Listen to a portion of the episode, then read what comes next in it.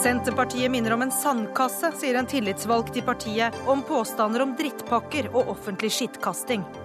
Regjeringen vil ikke påby redningsvester, selv om 80% av de som druknet i fjor, ikke brukte vest. Det bygges kulturhus for 14 milliarder kroner. De står i fare for å bli mausoleer over feilslått kulturpolitikk, tror kulturprofessor.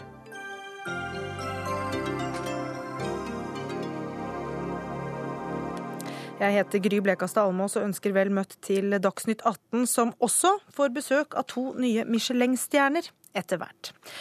Aller først til bydelen Harlem i New York, der det var en kraftig eksplosjon for to og en halv time siden. To bygninger har falt sammen, og minst to personer skal være døde, mens flere mennesker rapporteres å være skadet. Reporter Kristina Høyer, du er i Harlem, og hva ser du rundt deg nå? Ja, jeg står ca. 200 meter fra det som nå er et hull. Tidligere et par bygninger som eh, da raste sammen, som vi hørte for, eh, for bare et par timer siden. Det stiger fortsatt hvit røyk opp fra ulykkesstedet. Jeg ser eh, to stiger, brannstiger, som står og spyler mot flammene fortsatt. Men røyken er betydelig mindre nå enn for bare en time siden. Man snakker også om at eh, luftkvaliteten er dårlig her. Mange har begynt å ta på seg maske. Jeg kjenner det selv i halsen, litt sånn halsbrannaktig. For denne røyken er nok svært skadelig. Hva skjer på stedet der nå?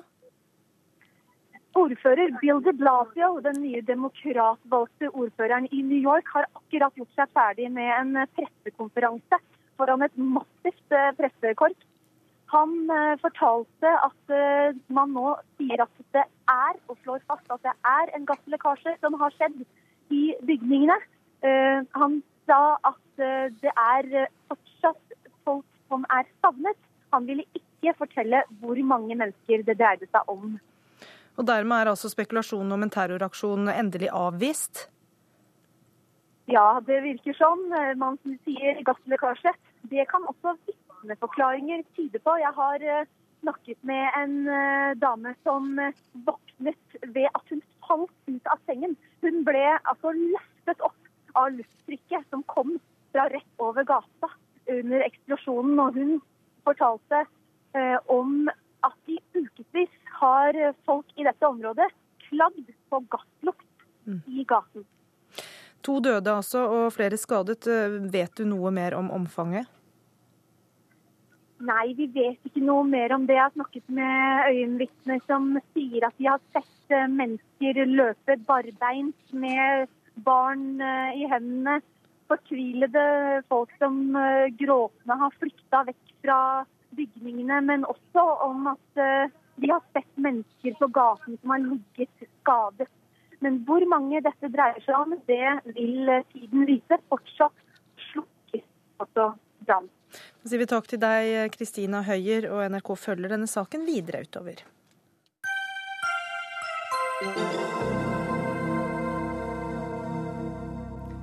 Så til den stadig tydeligere splittelsen i Senterpartiet. Det kommer påstander om at tidligere generalsekretær Steinar Ness skal ha truet med drittpakke for å skade Ola Borten Moe. Det kommer offentlige oppfordringer fra flere veteraner og partifeller om at Borten Moe må la være å stille til valg som nestleder, og på en lukket Facebook-side pågår skittkastingen mellom partimedlemmene for fullt. Og i avisa Nasjonen skriver du, Mariann Skotte, du sitter i fylkesstyret i Oppland, at partiet nå minner mer om en sandkasse enn om et politisk parti. Hva mener du med det? Eh, med det så mener jeg at, eh, at dette er veldig trist og ødeleggende for eh, partiet vårt. At folk sitter og kaster grus regelrett på din annen. Det virker som om stria handler mye mer om personkonflikter enn å faktisk skape en ny og god ledelse i partiet vårt. Hvordan opplever du det som medlem av partiet, at det er de tingene som nå får fokus? Jeg syns det er trist. Jeg syns at eh, det skal selge oss for god for å gå ut i det offentlige rom. Eh, det må tas eh, internt i partiet, og ikke denne skitkastinga. Vi har med oss Per Inge Bjerknes, som er leder i Østfold Senterparti, og som også uh, sitter i sentralstyret, som, uh, som, har stilt sine plasser til disposisjon uh, fram mot valget nå. hvor godt kjenner du deg igjen i denne sammenligningen med en sandkasse? Jeg mener det er viktig for alle i partiet å se at de sterke uttrykkene som, eh, som, kommer, og også bredden bak reaksjonene på også Ola Borten Moe som nestleder, det gjenspeiler faktiske og reelle problemer som partiet må håndtere. Og så tror jeg hele partiet skulle ønske at uh, dette kunne vi være for uh, uten. Eh, og at vi kunne ha fokus på politikken og vår viktige rolle, Senterpartiets viktige rolle i norsk politikk, ikke minst eh, når vi ser regjeringens eh, håndtering av kommuner, landbruk, politi osv. Senterpartiets stemme trengs mer enn noen gang. Men du viser til reelle problemer i partiet, og er Ola Borten Moe det problemet? Det er i hvert fall sånn at eh, Ola Borten Moe har sittet som nestleder i tre år. og Verken han eller hans støttespillere bør bagatellisere de problemene som fremkommer gjennom eh, reaksjoner både fra fylkeslag, fra Senterungdommen og fra enkeltpersoner i partiet. Sånn at de problemene må tas på alvor. Og for at partiet skal innta den rollen som trengs i norsk politikk, og som grasrota i partiet er veldig opptatt av at vi skal innta. Ja, Skotte, er det ikke et poeng at man noen ganger må uh, bruke sterke ord, uh, sterk kost, for å, for å få til en forandring? Eh, jo, det, det, er for så vidt sant. Um, når en sier at en uh, representerer grasrota, så vil de da si at uh, Ola Borten Moe representerer en stor del av grasrota. Og jeg ønsker at partiet skal ha både rom, takhøgde og vise storsinn. For oss er såpass lite parti at vi har ikke råd til å kaste bort dyktige politikere. Så der støtter du Ola Borten Moe. Mens eh, Bjerknes, jeg lurer på om du deler eh, den oppfordringen som er kommet fra flere eh, i løpet av dagen i dag, om at han bør la være å stille som nestlederkandidat? Jeg mener at alle har et ansvar for å bidra til ro, og for å bidra til at partiet kan ha fokus på den politiske rollen fremover. Og Hvordan kan Borten Moe bidra til det? Ikke minst har han et ansvar for det som, eh, som nestleder. Eh, og jeg mener jo i hvert fall at eh, det flere veteraner har tatt til orde for i dag, om at han bør trekke sitt kandidatur som nestleder, det bør behandles med respekt både av Ola og andre. Ja, betyr det at du deler den oppfordringen, at du også støtter, det, støtter den?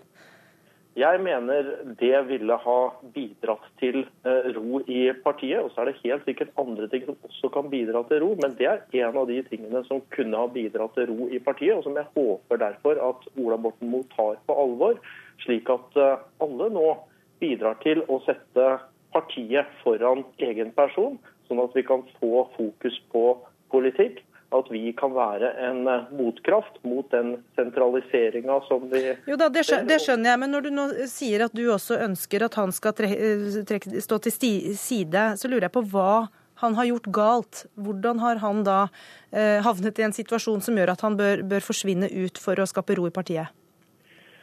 Partiet er i en ekstraordinær situasjon. Gjennom flere år har vi opplevd eh, opplevelser og hendelser som har Eh, vært problematiske for partiet. Det kom tydelig fram i evalueringsrapporten før jul. Eh, det førte til at partileder Liv Signe Navarsete tok ansvar i januar. Jo, Historien kjenner vi. Jeg var bare opptatt av hva ja. Ola Borten Moe har gjort galt, i dine øyne? Han har uh, bidratt til de problemene som partiet nå er i. Ja, på, på hvilken måte? Jeg vil gjerne ha deg litt konkret nå. ja, det, det, har vært uh, konkrete episoder knytta til hans rolle som olje- og energiminister, hvor han har utfordret de grønne verdiene som uh, partiet står for.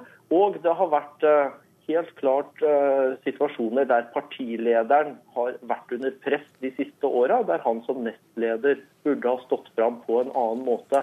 Og Det er det det nå handler om. Hvordan få en samlende ledelse som gjør hverandre gode, som står tydelig på partiets linje i viktige spørsmål. Mm. Jeg mener at Ola Borten Moe ikke har bestått den testen i tida som har gått. Og så er det helt legitimt at det er ulike meninger om, om det, og det er det naturlig at det er i partiet. Men man må også ta på alvor at de reaksjonene som kommer fra partiveteraner, fra fylkeslag, fra Senterungdommen, det gjenspeiler et reelt syn i store deler av organisasjonen. Det må Ola Borten Moe forholde seg til, det må hans støttespillere forholde seg til. Så håper jeg at det fører til at vi kan få en eh, samla løsning som gjør at vi kan gå framover ut fra vår viktige rolle i norsk politikk. Mariann Skotte, du sier at han representerer grasrota, men vi hører jo her at det er et eh, oppriktig sinne eh, mot ham. Han har ikke bestått testen, eh, mener Bjerknes. Ja, nå er det jo slik at partilederen vår, det, det ser jeg som hennes beslutning at hun gikk av sjøl. Eh, jeg syns ikke det er riktig at da resten av ledelsen skal gå. Og for Ola Borten Moe sin del så har jeg lyst til å si det at han faktisk har vært på grasrota. Han har besøkt oss i Lesja og Dovre, og han eh, prater om det som er politikk, distriktspolitikk. Og han, eh, han har veldig bra innlegg som eh, gjorde at han trakk åt seg nye velgere på grasrota dagen etterpå. Men Hvordan tenker du at denne leken i sandkassa nå skal ta slutt i Senterpartiet? Eh, da må folk vise storsinn og løfte blikket, og slutte med den offentlige skitkastinga regelrett. Og heller ha fokus på, på rom og takhøgde i partiet vårt. Og dra lasset videre. Takk skal du ha. Eh, det er altså bare én uke til valgkomiteen skal komme med sin eh, innstilling til nye ledere i Senterpartiet. Drude Behr, du er politisk kommentator i Nasjonen. Kan du beskrive hva som skjer i Senterpartiet nå? Jeg tror det handler om to hovedting er egentlig denne striden rundt uh, Borten Moe. Det ene er de, de samarbeidsproblemene som var i den uh, avtroppende ledelsen. Um, og det andre er Ola Borten Moes politiske holdninger. Og når det gjelder samarbeidsproblemene som var, så er det også to ting, egentlig. Det er i hvilken grad Borten Moe må bære del av, sin del av ansvaret. Han skal ta sin del av skylden, ikke minst når historien om Navarsete-epoken skal eh, skrives. Eh, og så er det noen som tenker at når han ikke klarte å, å ordne opp eller ikke klarte å, å, samarbeide bedre, så er han ingen god eh, lagspiller. Så det, så det, er liksom to enten Han skal bære skylden, men kanskje er han ingen lagspiller. Men, men, men, det vi ser nå, eh, er jo litt ukjent, er det ikke det, i norsk politikk? Altså Den type skittkastingen som vi får beskrevet her. Ja, Det er, veldig, det er nesten litt panisk eh, nå, altså. Eh, hva er det en indikasjon på? Ja, Det er både tror jeg, bitterheten over at det gikk som det gikk i den, i den ledelsen. Uh, også, men så tror jeg også det er, del, det er en del uenighet, politisk uenighet i partiet, og det må det kanskje få lov til å være. Og dette med at, han ikke, at Borten Moe ikke representerer grasrota, det er jeg veldig enig med deg i at det, han, det er klart han også har en stor del av grasrota bak seg. Han har sånn som det ser ut nå foran valget, så har han eh, de store fylkespartiene støtter ham. Der er det mange, mange folk og mye grasrot. Um, og det er, men det er denne her, det er ting de med Borten Moes eh, politikk, ikke minst som olje- og energiminister, som provoserte mange Senterpartifolk. Mm. Uh, Magnus Takvam, du er politisk kommentator her i NRK. Hvordan skal valgkomiteen komme med et forslag som kan samle partiet her? Nei, det tror jeg blir veldig vanskelig. fordi i valgkomiteen så er jo også de skal vi si, fløyene som står så knallhardt knallhardt mot hverandre representert. Eh, så veldig mye tyder, eh, taler nok for at det kan bli en delt innstilling og kampvotering på landsmøtet. Det jeg har hørt av mulige innspill til å løse floken, og kanskje eh, striden, er f.eks. at man velger en, en, kvinnelig nestleder, en tredje i toppledelsen, som kan tilfredsstille skal vi si, kritikerne av Borten Moe, altså som representerer en annen politisk retning, og at den uh, fløyen som da er mest kritisk til Borten Moe, føler seg representert via henne. Det er også noen som har kastet opp det å ha en person til i toppledelsen. Altså ikke bare tre, men fire, og den typen løsninger. Men jeg, jeg, jeg tror nok de fleste regner med um, en, en kampvotering. Og når du da ser for deg, eller du ser den situasjonen mm. som er nå, med offentlig skittkasting, mm. eh, hvordan kan en sånn prosess med kampvotering komme til å se ut?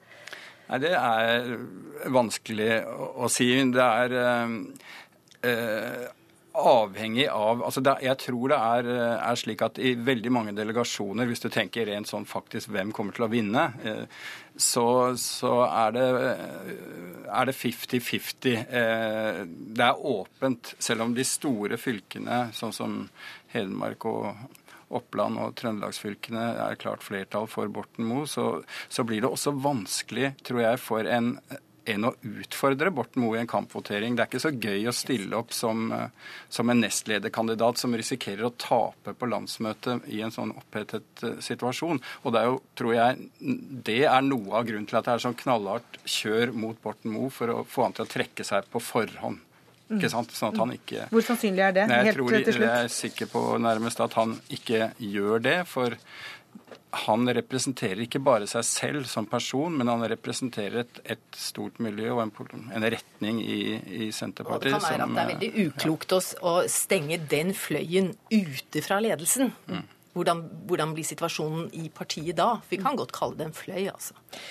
Takk skal dere ha. Trude Drude Behr, Magnus Takvam, eh, Mariann Skotte og Per Inge Bjerknes. Vi har selvfølgelig også invitert eh, Ola Borten Moe selv i dag, men han ville ikke kommentere dette i dag. Dagsnytt 18 alle hverdager kl 18.00 på NRK P2 og NRK2.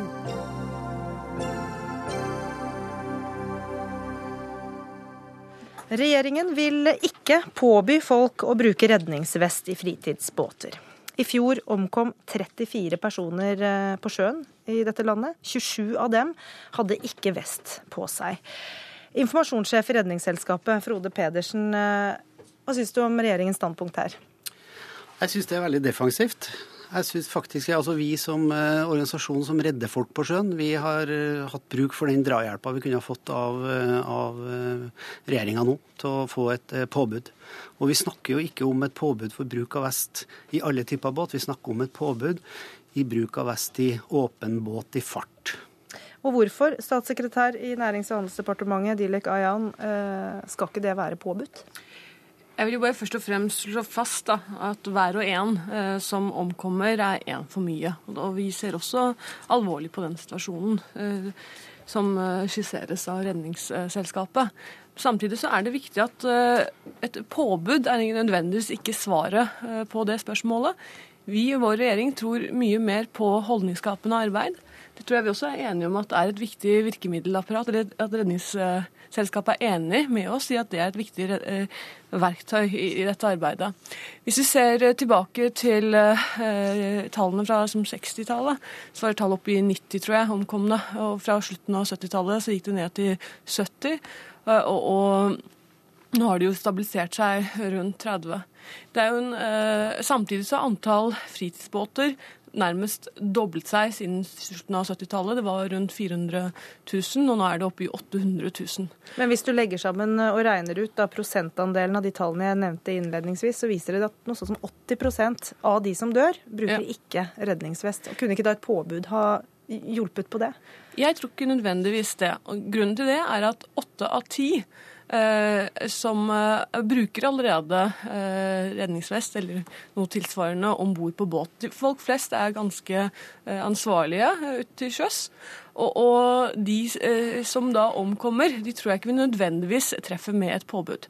Men jeg tror at eh, den, det vi har sett av den historien som de siste, ja, siden slutten av 70-tallet, viser at holdningsskapende arbeidet har gitt resultater og gir resultater. Pedersen, er ikke det et poeng at eh, det er noen som ikke vil bruke vest uansett, kanskje? Sånn er det jo bestandig. Det er alltid noen som vil trosse grensene du setter opp for dem. Sånn, sånn, det vil det være. Og det er jo veldig mye tallmagi ute og går her nå, men vi har også veldig mye tallmagi. Men jeg syns de tallene du sjøl har brakt på banen her, altså 27-34, vil si av 34 som døde i fritidsbåt, eller drukna i fritidsbåtulykka i fjor, så hadde 27 av dem ikke vest. Og det er 81% Det er altfor høyt. Og jeg syns allikevel altså det, Man kan godt si at det, båt, at det har blitt flere båter, og det er flere på sjøen. men vi ønsker jo, for det er vi ofte som møter de desperate familiene som har mista folk på sjøen. Og vi, vi, vet akkurat hvordan de har det. Og, og Derfor så syns vi at eh, vi klarer nok aldri en nullvisjon, men jeg syns vi kan prøve å få redusert dette. Og igjen, jeg vil da bare oppfordre regjeringa til å eventuelt kunne snu i denne saken. Her sitter jeg og har tatt med meg, Vi har kjørt ut en Facebook-spørreundersøkelse i dag, like etter eh, statssekretæren eh, lanserte dette her på, på messa Sjøen for alle. Vi ble ganske sjokkskada for at den kom der og alt sånne ting. Men da svarte altså Vi hadde 52 kommentarer, lange, gode kommentarer inne i løpet av en og en halv time på vår Facebook-side. og Ca. 49 jeg tror 8 eller 49 av dem var veldig positive til vest og mener at det er en selvfølge. Men nå sier vel ikke Ayan at hun ikke er positiv til vest, hun vil Nei. bare ikke ha det som et påbud? Ja, det Forskjell skjønner jeg. Ja, ja det, det, er forskjellen på det. Men jeg er opptatt av at vi trenger det. Det, det er rett og slett den hjelpa vi kan få gjennom et påbud. Ja, Ayan, er, er, er, det aktuelt å snu, som han uh, håper på? det er ikke aktuelt å snu i denne saken. Uh, den eh, forrige regjeringen hadde også denne saken oppe. Den rapporten og dette eh, anbefalingen har jo vært eh, aktuell siden april 2012. De valgte å skyve saken foran seg, tok ikke noen stilling til dette tiltaket som Redningsselskapet foreslår. Vi har valgt å ta stilling til det. Og Vi sier at vi tror ikke nødvendigvis at påbud er veien å gå. Jeg kjenner faktisk ikke et eneste land i verden som har et slikt påbud. Men kan jeg bare spørre hva som er den prinsipielle forskjellen på f.eks. For uh, bilbelte uh, er jo påbudt. Ja. Uh, skal, hva er liksom den store forskjellen her prinsipielt? Uh, ja, Én ting er jo selv om vi har påbud om bil, å bruke bilbelte i bil, så har vi ikke akkurat null omkomne i biltrafikken. og vil regjeringen fjerne det påbudet? Nei, nei. nei. nei. Bare, et annet eksempel er f.eks. sykkel eller kjøring. Skal vi ha påbud om hjelm? Jeg tror nødvendigvis ikke at et påbud er svaret på alle utfordringer vi møter. Eh, jeg tror at eh, tallene sier sitt. Når vi ser på de tallene fra 1970 eh, og til, dagen, til i dag, så ser vi at det holdningsskapende arbeidet har gitt gode resultater. Og vi vet at åtte av ti allerede bruker vest eller annet flytende som gjør at vi flyter. Hvorfor skal vi tre over hodet på folk dette? Ja, eh, altså Jeg skjønner at du ikke er veldig mye på sjøen, eller at kanskje andre deler av regjeringa ikke er mye på sjøen, men jeg er faktisk veldig mye på sjøen. Nødvendigvis ikke på redningsskøyter, men i egen båt. Eh, og jeg er så heldig at jeg har hytte ganske nære sjøen også, så jeg observerer båtlivet. Og jeg må si det at det er ikke åtte av ti som bruker redningsvest. Hvis du tar det ned på barnenivå, så er det det, men det er ikke blant de voksne. Og det er jo på en måte dem vi skal nå her, da, og ikke de flinke unge. For dem, der er vi veldig dyktige i Norge. Og jeg syns heller ikke det er så interessant å sammenligne seg med andre land. Det er viktig at vi blir et foregangsland. Vi er en kystnasjon. Vi har altså 750 000 båter i smått, smått og stort her. Ja. Altså Vi har 500 husstander i Norge som har båt, disponerer båt, én til to båter. Det er en stor del av oss.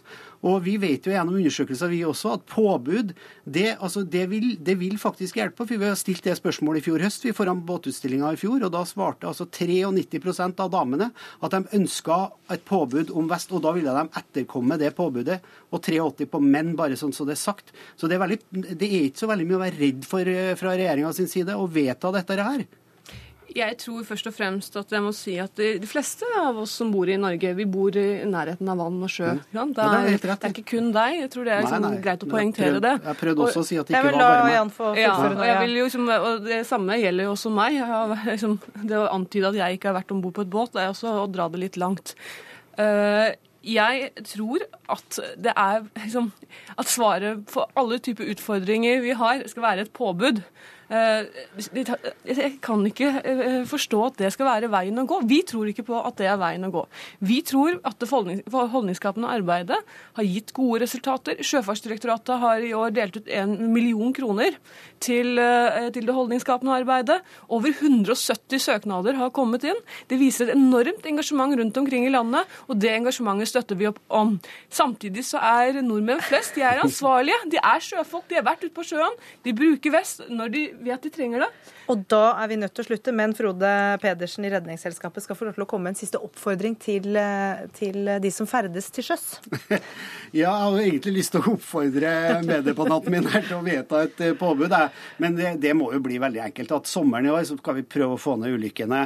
Og så har vi på oss vest. Jeg syns jo de er utrolig bra. da. De er jo ikke større enn dette her. Og det, det morsomme er at i dag så har jeg hørt masse innspill på, på folk som ikke er redd, de er redd for å bli, ikke bli brun. Og da tenker jeg det går an å flytte på den vesten. Fordele fargen båtturen. Ja.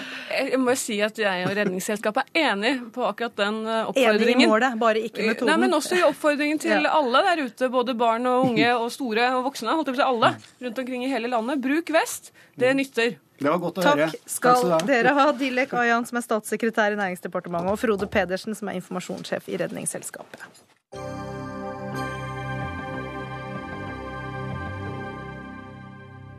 Hvis dere henger med oss videre, så skal dere få høre debatten om et nasjonalt kornlager. Eh, det er en debatt mellom landbruksminister Sylvi Listhaug og Marit Arnstad, som kommer litt senere i sendingen. Men eh, nå skal vi høre at nye kulturhus dukker opp eh, over hele landet. På 15 år bygges det kulturhus for nesten 14 milliarder kroner. Det viser en undersøkelse Aftenposten har gjort. Og det er altså utenom Operaen og nye Deichman og nye Munch-museet og disse store Eh, i Oslo. Anne Britt eh, Gran, du er kulturprofessor eh, på BI. Hvorfor er du skeptisk til, til byggingen av disse kulturhusene? Skeptisk og skeptisk. Jeg vil kanskje heller si at jeg liksom frykter at de skal slite veldig med å fylle disse husene. Eh, og mitt anliggende i denne saken har jo vært å koble denne byggingen av nye kulturhus og i det hele tatt nye, all slags nye kulturarenaer til den pågående digitaliseringen. Fordi at det tallmaterialet jeg sitter på, viser jo da at digitaliseringen skyter i været. Vi bruker mer og mer tid på skjerm mer og mer tid på å konsumere kultur på, på nettet. Og, vi, og, dessverre så er det sånn at vi nå ser en, en signifikant nedgang i tradisjonelt kulturforbruk, som eh, f.eks. kino, eh, teater og sågar festivaler. Eh, og da er klart at det altså bygger veldig mye nytt mens vi står midt oppi en, en jeg vil kalle det en digital revolusjon. Det, det, ja, jeg vil kalle at det, det bekymrer meg, fordi at det binder jo opp mye penger, dette her. Og så mange kulturhus eh, er det blitt de siste årene, jeg tror vi er oppe i nesten 100 stykker nå eh, her i landet, eh, at de har fått sin egen organisasjon. Og med oss fra Norsk kulturhusnettverk har vi styreleder Ola Løkholm. Hvorfor trenger vi alle disse kulturhusene, mener du? Jeg tror det sitter politikere rundt i mange kommuner og spør seg sjøl hva mangler vi, hva skulle vi gjerne hatt. Da ender de opp med å ønsker å gjøre seg mer attraktiv for folk, skape større trivsel, bolyst. Og så sier de vi trenger et kulturhus, og så er det veldig mange som føyer på. En konferansearena, et øvingslokale for det frivillige kulturliv, produksjonslokaler for det som måtte finnes av profesjonelt kulturliv, galleri, sågar kommunestyresal. Og så er det jo også kløktig å slå alle disse behovene sammen, bygge gode kulturarenaer, få de eh, effektene og de funksjonene som man kan håpe på. Og så kaller man det kulturhus, og så må vi oppi dette bildet være klar over at kulturbyggene rundt omkring i landet har veldig mange forskjellige funksjoner. Men så, så viser jo Anne Britt Gran her til en utvikling som viser at det er nedgang i bruk av liksom tradisjonelle eh, kulturtilbud, og en økning i den digitale bruken. Er det noe som også bekymrer deg? Ja, det, det, utfordrer meg. Jeg er også direktør i Harstad kulturhus. Og, og det er klart at vi må eh, tilpasse oss en ny tid. Vi må vise at vi kan utnytte en digital revolusjon til å eh, få folk til å komme sammen og oppleve digitale opplevelser i, i et fellesskap. Og det tror jeg det kommer, til, det kommer til å skje. Og vi vet allerede at f.eks. ungdom gjerne møtes i en kinosal for å spille dataspill på på store kinolerret og oppleve den aktiviteten i et fellesskap. Ja, Gran, det... Kan ikke disse kulturhusene være eh, fantastiske møteplasser eh, lokalt eh, for å, å drive med også disse nye tingene da, på, som, som, foregår digitalt? Ja, det håper jeg virkelig. Men, men det, det, er jo ikke det vi ser, da. Vi ser jo, Det er jo hjemmekonsumet. ikke sant? Det er strømmetjeneste, det er Netflix, HBO. Det er på en måte, det er ikke det at du går ut og gjør noe digitalt. Det er veldig mye av det du gjør, som, som du gjør hjemme. Men er det ikke da nettopp å tilby noe annet som kan være eh, motvekten, hvis man ikke liker den eh, utviklingen? Jo, det syns jeg er. Jeg syns at det er kjempebra, jeg. Og jeg håper jo for guds skyld at disse kulturhusene eh, lykkes. Og, noe av grunnen til at jeg er opptatt av det, er egentlig at, liksom at kulturpolitikken er jo veldig arenabasert. ikke sant? Historisk i Norge så har man tenkt at kulturen skal ut til alle, og en måte å få det ut til alle på, det er å gjøre kulturen tilgjengelig gjennom nye hus. Og kulturforbruket har jo gått opp. Dette har jo vært en vellykka kulturpolitisk strategi helt fram til da siste målingen til SSB som da viser at dette forbruket begynner å falle. Og det begynner jo da å falle samtidig som vi har hatt en dobling av kulturbudsjettet, og sikkert 30-40 av disse nye kulturhusene står ferdig og har vært i bruk ved SSBs siste måling. Så jeg vil da spørre tilbake til, til mannen i Harstad. altså Hvordan analyserer han da? Hvorfor, hvorfor, har det ikke blitt mer folk da, etter at vi fikk mange av de nye kulturhusene, og i tillegg har vi hatt en dobling av kulturbudsjettet? Løkholm, vær så god. Jo, vi har hatt eh, økning på veldig mange plasser. Eh, det var ingen som, eh, som trodde at det skulle gå folk på konserter i Svolvær da Lofoten kulturhus ble planlagt. Det var stor skepsis i Arendal da det kulturhuset ble planlagt og bygd. Det har vi opplevd over hele landet. Og så er jo årsaken til at det stadig bygges nye hus, det er de positive erfaringer disse plassene har. Jeg tror ikke folk flytter til et sted pga et godt kulturtilbud. Men når jobb og barnehage og skole er på plass, så viser det seg jo at kulturtilbudet faktisk kan være med på å prege en, en vekst på et sted. Og, og, vi ser også at eh, Jeg pleier å si eh, her i Harstad at eh, Harstad kulturhus er den viktigste næringspolitiske investeringa Harstad kommune noensinne har gjort. Og det mener jeg å ha belegg for, fordi at det er mange bedrifter i denne byen, i denne regionen, som tjener penger på vår virksomhet. Og det er også erfaringen rundt omkring i landet. Jeg tror ikke besøkstallene er for nedadgående konstant, men jeg innrømme at det utfordrer oss som sitter og driver disse arenaene, at vi er dynamiske og flinke til å fange opp nye muligheter. Og kanskje viktig også å påpeke at vi har vært i kontakt med Statistisk sentralbyrå, som da sitter på disse tallene, som sier at det har gått litt opp og litt ned. Og det at man så en, en nedgang i fjor er ikke nødvendigvis et tegn på at det kommer til å fortsette å stupe, Gran. Eh, så, sånn Nei, og jeg håper jo ikke det, jeg. ikke sant? Det er jo ikke noe sånn at jeg sitter her og ønsker å være partykiller heller, ikke sant. Men, men uh, uansett så er det vi kommer liksom ikke fra at tiden vi bruker på internett og på digitale ting, øker betydelig. Og Derfor er du skeptisk til at de bruker så himla mye penger på disse kulturhusene? Ja, ikke også penger, men altså, en ting er at man bruker på å bygge de, men man skal jo fortsette å drifte de, ikke sant? Og det binder jo opp penger i kulturbudsjettet, både statlig og kommunalt, med alle disse arenaene. men nå hører vi at de også har uh, betydd noe for næringspolitikk, altså ja. sånn sett inntjening da, ja, i Harstad? Ja, det er jeg glad for. Uh, og du må huske at du snakker jo med en som er liksom forplikta. Han er liksom sjef for Kulturhusnettverket, så selvfølgelig så er han kjempebegeistret for kulturhusene. Og, og, godt er det at han er det.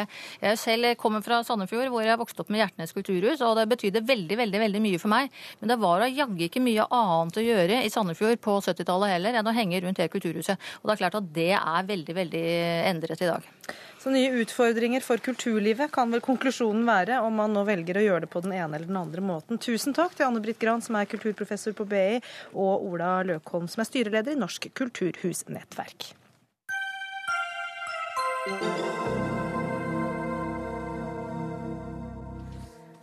Selskapet Cermaq har uh, solgt Norges uh, desidert største kornsilo i Stavanger. Uh, og så er det sånn at bønder og flere av opposisjonspartiene hadde fryktet lenge at kornlageret skulle rives og bygges om til leiligheter.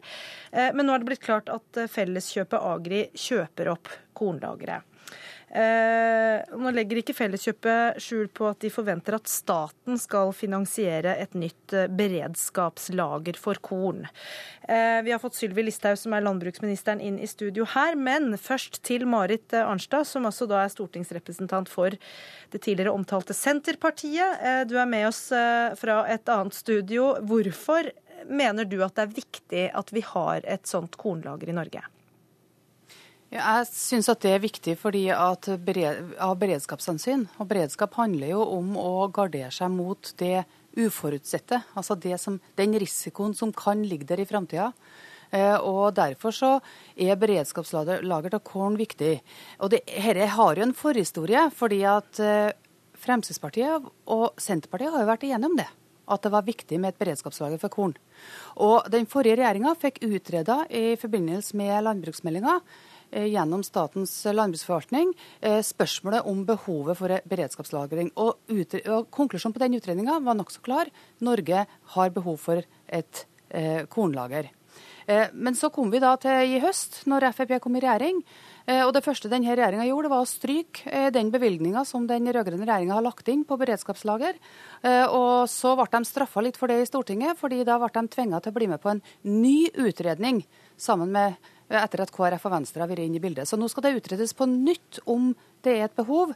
Og han som skal lede den utredninga, sier det at det er vel antagelig sånn at vi kommer fram til omtrent samme konklusjonene som det SLF allerede har kommet frem til.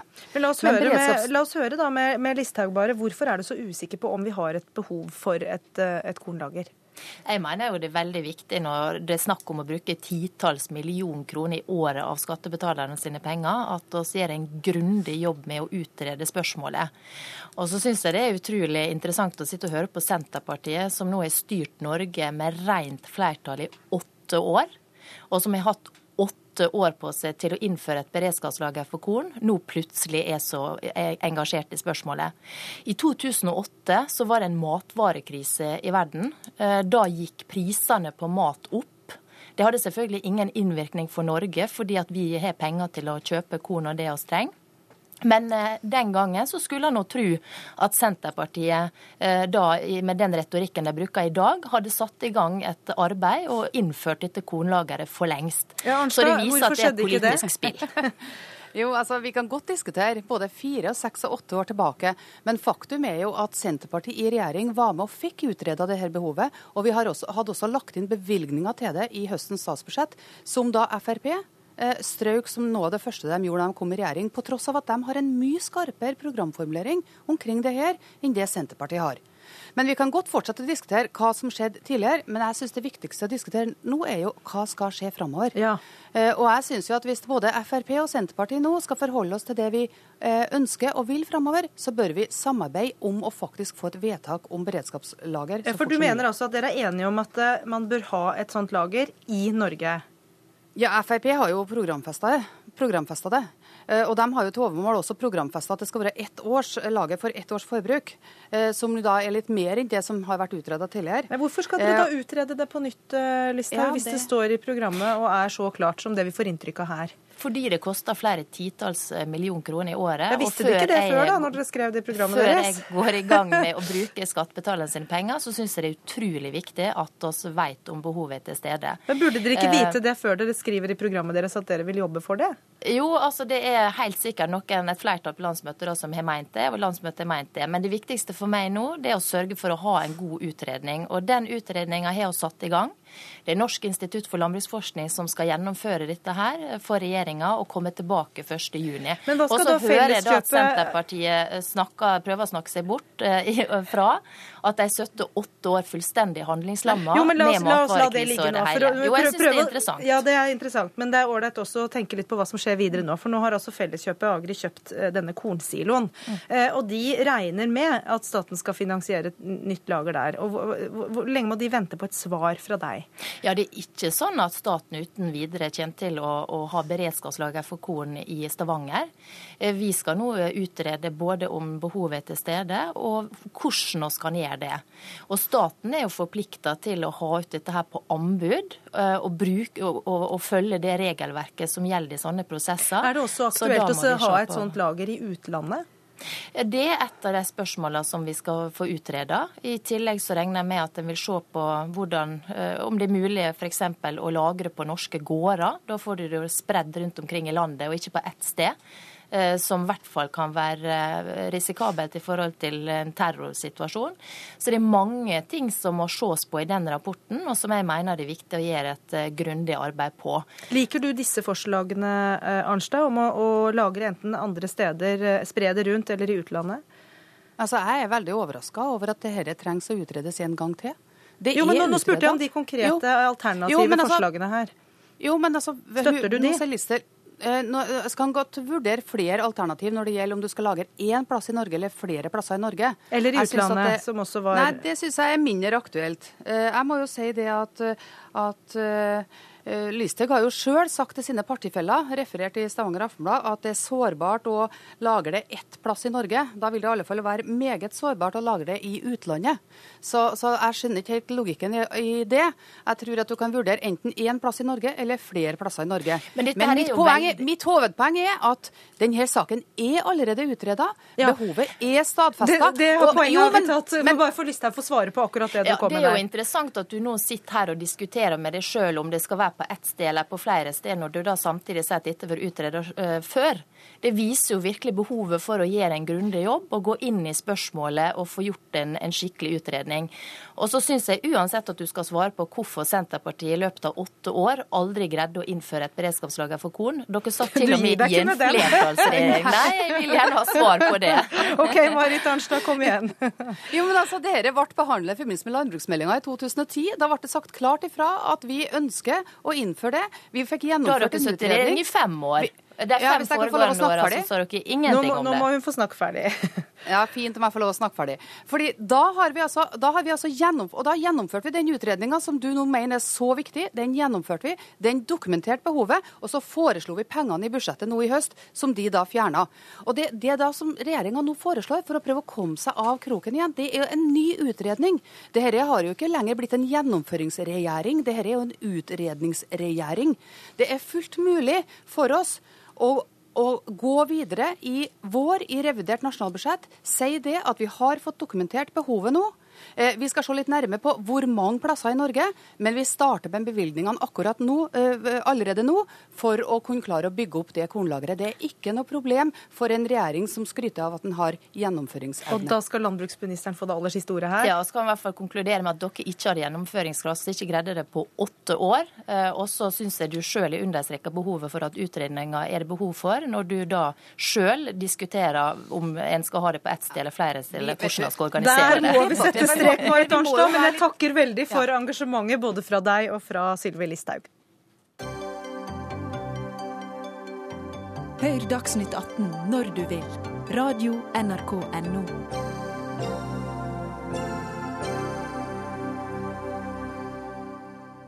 Så har det vært eh, stor spenning i Restaurant-Norge, som ble utløst i dag, da den prestisjetunge Michelin-guiden offentliggjorde sine nye stjerner. Og to nye norske restauranter får eh, hver sin stjerne, eller to restauranter får sine nye stjerner. Eh, og noe som gjør at til sammen så er det nå fem restauranter i Norge som har seks Michelin-stjerner. Og da kan vi gratulere de to nykommerne, Anette Berger, som er SOS-sjef på Fauna, og Even Ramsvik, som er restaurant restaurantsjef på Layali. Begge Oslo-restauranter. Hva betyr en eh, stjerne i Michelin? Nei, altså En uh, anerkjennelse i Michelin er vel uh, noe av det man holder høyest i, i vårt yrke. Og uh, når man har jobba så hardt som man har, og får en sånn type anerkjennelse fra en internasjonal oppmerksomhet, det blir man veldig takknemlig for. Så hvordan var reaksjonen i dag?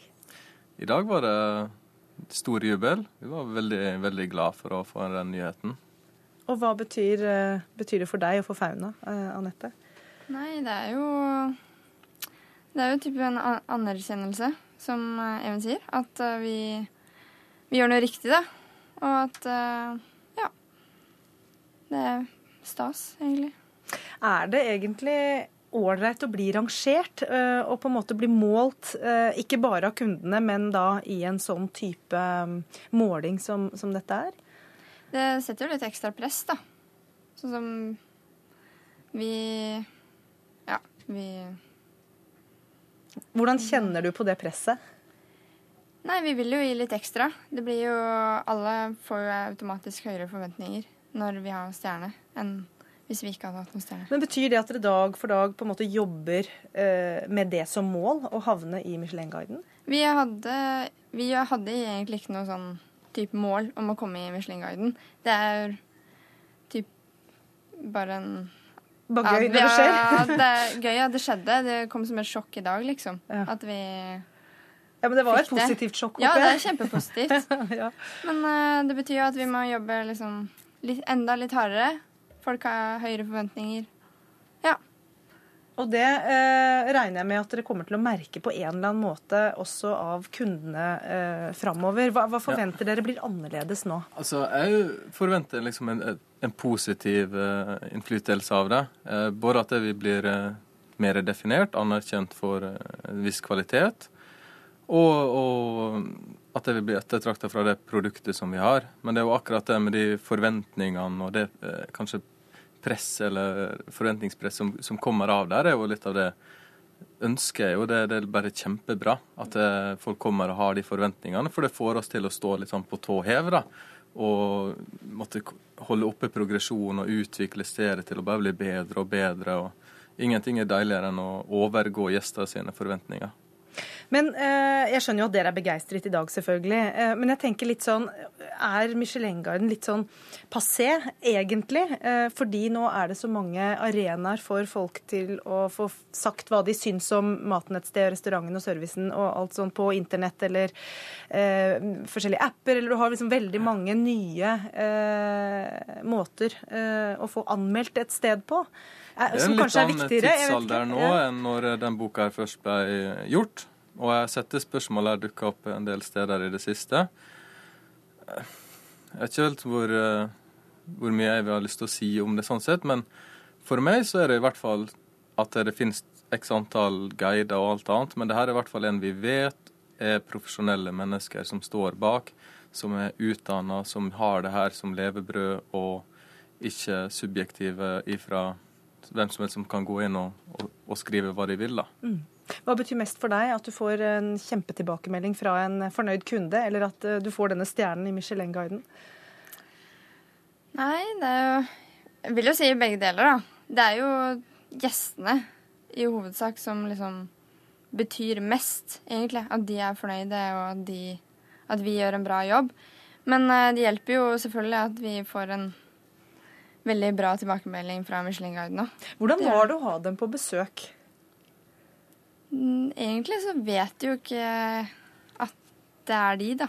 Du kan ikke vite 100% Selvfølgelig kan du få noe nyss om at de er i byen, og at de, en utenlandsgjest kommer og skal spise, eller ja. Hadde du noen sånne øh, Visste vi du hadde, Vi hadde noen sånn at det kunne være, liksom. Men uh, man kan jo ikke vite 100 Men da du, da du hadde den mistanken, gjorde, gjorde dere noe spesielt da? For å øke enda litt på, liksom? Nei, det er jo Vi er jo kanskje ekstra nøye, men ellers så gjør vi stort sett det samme. Så de får litt bedre service, de dere tror er fra Michelin-guiden, enn jeg ville fått? Nei, det tror jeg nok det ikke. De gjennomskuer sånt med en gang. Ja, det? Ja. de gjør det. Ja, hvordan opplever, Har du noen mistanke om når de var til stede? Og, og... Nei, det har vært anonyme og profesjonelle. ja. Hva tenker dere om at uh, Norge nå da har til sammen seks stjerner, mens Sverige og Danmark begge har 16 hver? Mm. Det er større byer, da. Mm. Ja. Er det hele forklaringen, tror du? Det er, er, det en annen kultur, matkultur? Um, ja, et annet fokus? Det er nok kanskje også. Det starta litt tidligere, men jeg tror Oslo er på veldig god vei, og det er mye spennende som skjer. For eksempel? Det som skjedde i dag, for eksempel. Mm. mm. Men er det en del av en utvikling, en trend? Eh, kommer vi til å se flere eh, stjerner framover, tror dere? Jeg tror at uh, ja, det er begrensa hvor mange stjernerestauranter vi kan ha i Oslo òg, da. egentlig. Ja, For alle i Norge er i Oslo?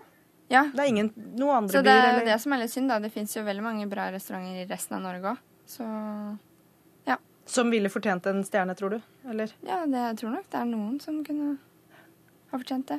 er du enig? Ja, Han har ikke vært så på mange steder og spist, men det er nok fullt mulig, det. ja. Du spiser bare på din egen restaurant. Hjemme eller på jobb. det. Da eh, gratulerer jeg dere igjen begge to med altså, eh, den første stjernen i Michelin-guiden. Så kan dere jo bare jobbe på, se om det blir en til neste år, kanskje.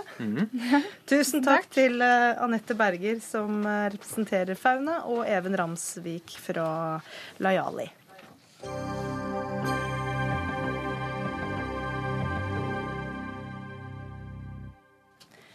Kunstneren Kjell Nupen døde i dag.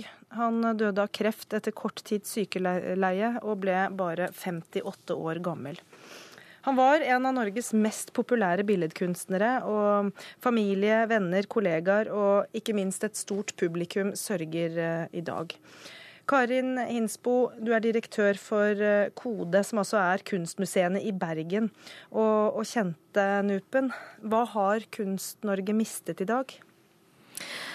Øh, ja, uh, faktisk så, uh, så har jeg korrigert meg selv i dag. For, for jeg tenker øh, verden er ikke blevet fattigere fordi Kjell har gått bort. Men jeg tror mer verden er rikere fordi han har vært her. Ja, hva representerte han som kunstner? Jamen, han er jo et øh, helt særligt og veldig vesentlig kapittel i øh, den norske kunsthistorie. Det tror jeg ikke der er noen der kommer og krangler om. Øh, men han har jo en ganske stor, veldig omfattende og egentlig også mer allsidig produksjon enn man kanskje umiddelbart tror bak seg. Ja, Du kan si litt mer om den produksjonen senere, men først vil jeg introdusere også Agnes Moxnes, som er kulturkommentator i NRK. For du kjente også Nupen, og du møtte han eh, ganske tidlig. Eh, fortell om det. Ja, det var altså sånn at da jeg ble kulturjournalist, eller fikk den første jobb, sommerjobben min i en avis, altså i avisa Nasjonen i 1982 det første jeg gjorde, det var å bestille billett til Kristiansand for å reise ned og intervjue Kjell Nupen. Og det var jo altså da Skal vi se, han debuterte i 1974. Da var han 19 år. Så han var jo fortsatt en veldig ung mann, men han hadde markert seg så tydelig at han var en veldig, veldig viktig stemme. Eh, kom inn og var litt sånn korrigerende i sin måte å tenke kunst på. Eh, og man kjenner jo veldig tydelig igjen de bildene som eh, han laget på den tiden, og det man ser som han holdt på med helt nå til, eh, til siste slutt. Så det har vært noe veldig konstant i ham, og samtidig som man helt tydelig har sett en veldig utvikling også. Hvordan opplevde du han som menneske den gangen? Ja, altså Jeg kjenner han jo ikke godt, jeg møtte han den gangen, men det var et utrolig vennlig møte. Og jeg har tenkt de gangene, raske gangene jeg møtte ham bl.a. i sånne studioer som dette her, at dette er en mann jeg kjenner veldig godt. Men jeg gjorde jo ikke det. Eh, Men, men et, eh, og det skjønner jeg på folk som har kjent han også. At, eh, at en, en, nær venn og en, en, en, altså en veldig vital kunstner, rett og slett, som aldri ga seg. Ja, Hinsbo, du også kjente ham jo godt og, og, og hadde et, et spesielt uh, første møte med ham. Ja, øh, faktisk øh, mitt aller første møte med ham øh, Det var litt morsomt. Da tror jeg han kalte meg for sånn en kunstadministrator. Og så tror jeg bare jeg sa at øh, det kan du selv være. og, øh, og etter det da har vi, øh, har vi vært øh, veldig fine venner. Og eh, nå hadde dere også planer om eh, en ny utstilling. Hvordan, hvordan, kommer det til å bli nå? Ja, men Det er jo veldig uh, spesielt. Og jeg hadde jo så veldig håpet at han kom og være med på den utstillingen, fordi det var noe der betød mye for ham også. Men jeg har jo vært bekjent med um, situasjonen i et stykke tid nå, og, og, visste hvordan situasjonen var. Mm. Um, men, hva, ja. slags, hva, slags, utstilling var det dere planla? Ja, men Det er noe jeg har talt frem sammen med Kjell, og det er en utstilling som fokuserer på hans tidlige produksjon. Så det er sånn helt fra, fra Agnes første møte med, med Shell øh, på, øh, på 70-tallet. Øh, og den sånn mer øh, politiske kunst, som han gjorde på det tidspunkt. Og han hadde jo også et opphold på Kunstakademiet i Düsseldorf. Så han har jo egentlig gjort noe øh, ganske radikale politiske portretter som handler om vold og maktmisbruk og sånn noe på 70-tallet. Men det er jo en litt annen side av kunstneren Kjell Nupen enn det vi etter hvert eh, er blitt kjent med Agnes Moxnes. Absolutt. eh, Og det, han jo, altså han kom jo også ut av det radikaliserte 70-tallet. Eh, Og, og jeg hørte, hør, sitter gjenhørt intervjuet med han i dag, og han snakker jo veldig mye om dette her, at han har brukt mye tid og energi på, på nettopp det vakre bildet. Altså det å bruke skjønnhet som et, eh, et mål eh, i kunsten sin. Så han forlot jo eh, den politiske og definitivt aldri havnet i den ironiske kunsten. Så, det, så jeg tror at kanskje det er noe av det som gjør at han, er- han er en veldig folkekjær kunstner. Veldig, veldig mange landet rundt som vet hvem han er. Og veldig mange som har eh, handlet eh, bilder, enten grafikk eller malerier av, av Kjell Nupen. Men folkelig, sier du. Han var jo også dronning Sonjas, en av dronning Sonjas mentorer. Eh, hva sier det om gjennomslagskraften hans? Altså, jeg tenker at du må ha en spesiell være en spesiell karaktertype for å være en person som dronningen velger seg når hun trenger både en læremester og en å jobbe sammen med mot en utstilling. Og hun så nok at han var en person som sto veldig trygt på egne ben, og nettopp derfor kunne hun tillate seg å lene seg inntil han, tenker jeg da. Eh, Og hun har jo sagt det i dag i pressemeldinger også, at han var en viktig både venn og, og kunstner eh, for henne. Så hun har nok opplevd han som en svært lojal støttespiller. Karin Hinsbo, hva er det som gjorde at eh, så mange eh, likte kunsten hans? Jamen, øh, nå er det jo en rett enestående øh, produksjon han har bak seg. øh, jeg synes, han er en øh, utrolig bra kunstner. Øh, det er både min profesjonelle og min personlige øh, mening. Øh, jeg tror, han skjelnet selv øh, med et skillepunkt i øh, 1984, hvor han fortalte meg i hvert fall at, at i 1984 så ble han til en isme. Så blev det nupismens tid. og det var det lige til slut. øh, og han er jo, øhm, altså der er jo noget utrolig øhm, æstetisk og vakkert i hans øh, senere produktion. Øhm, den her blå farge, tror jeg jo alle sådan med det samme tænker på, når de øh, tænker på ham. Men han, øh, jeg, jeg, jeg synes egentlig, at han blev ved at forholde sig til den verden og det samfund, som vi lever i. Og der bliver ved med at være reminiscenser helt til det sidste, øh, også fra den tidlige produktion, øh, kranier, bilvrak videre, som jo egentlig er øh, symboler, han har med øh, siden starten av sin øh, karriere. Ja, for Du snakker om bredden. altså Han jobbet både med maleri og med grafikk og med glass og med keramikk og med han, Ja. bronse og jeg vet, granitt og alt Ja. Hva er nupismen for noe, da? Altså Dette er jo så bredt at det er vanskelig å eh, betegne det som en isme. Jeg tror, den eneste, der kan svare på det, han har taget øh, svaret med graven i dag. Altså, det, det, er ikke helt, øh, det er ikke helt til å si. Men, men likevel så skjønner man jo, øh, så skjønner man- jo, hva han mener. Men du har helt rett. der var intet materiale, som han ikke kunne bøje. Ja, Agnes Moxnes, hva vil nå stå igjen etter Kjell Nupen? Og mye. Eh, altså, han har jo utsmykket også flere kirker. Han er i flere byrom. I Kristiansand, hjembyen hans, hvor han jobbet og bodde hele livet, så er jo bl.a. En, av- en park som heter Otterdalsparken, som ble åpnet av kong Harald i 1991, tror jeg.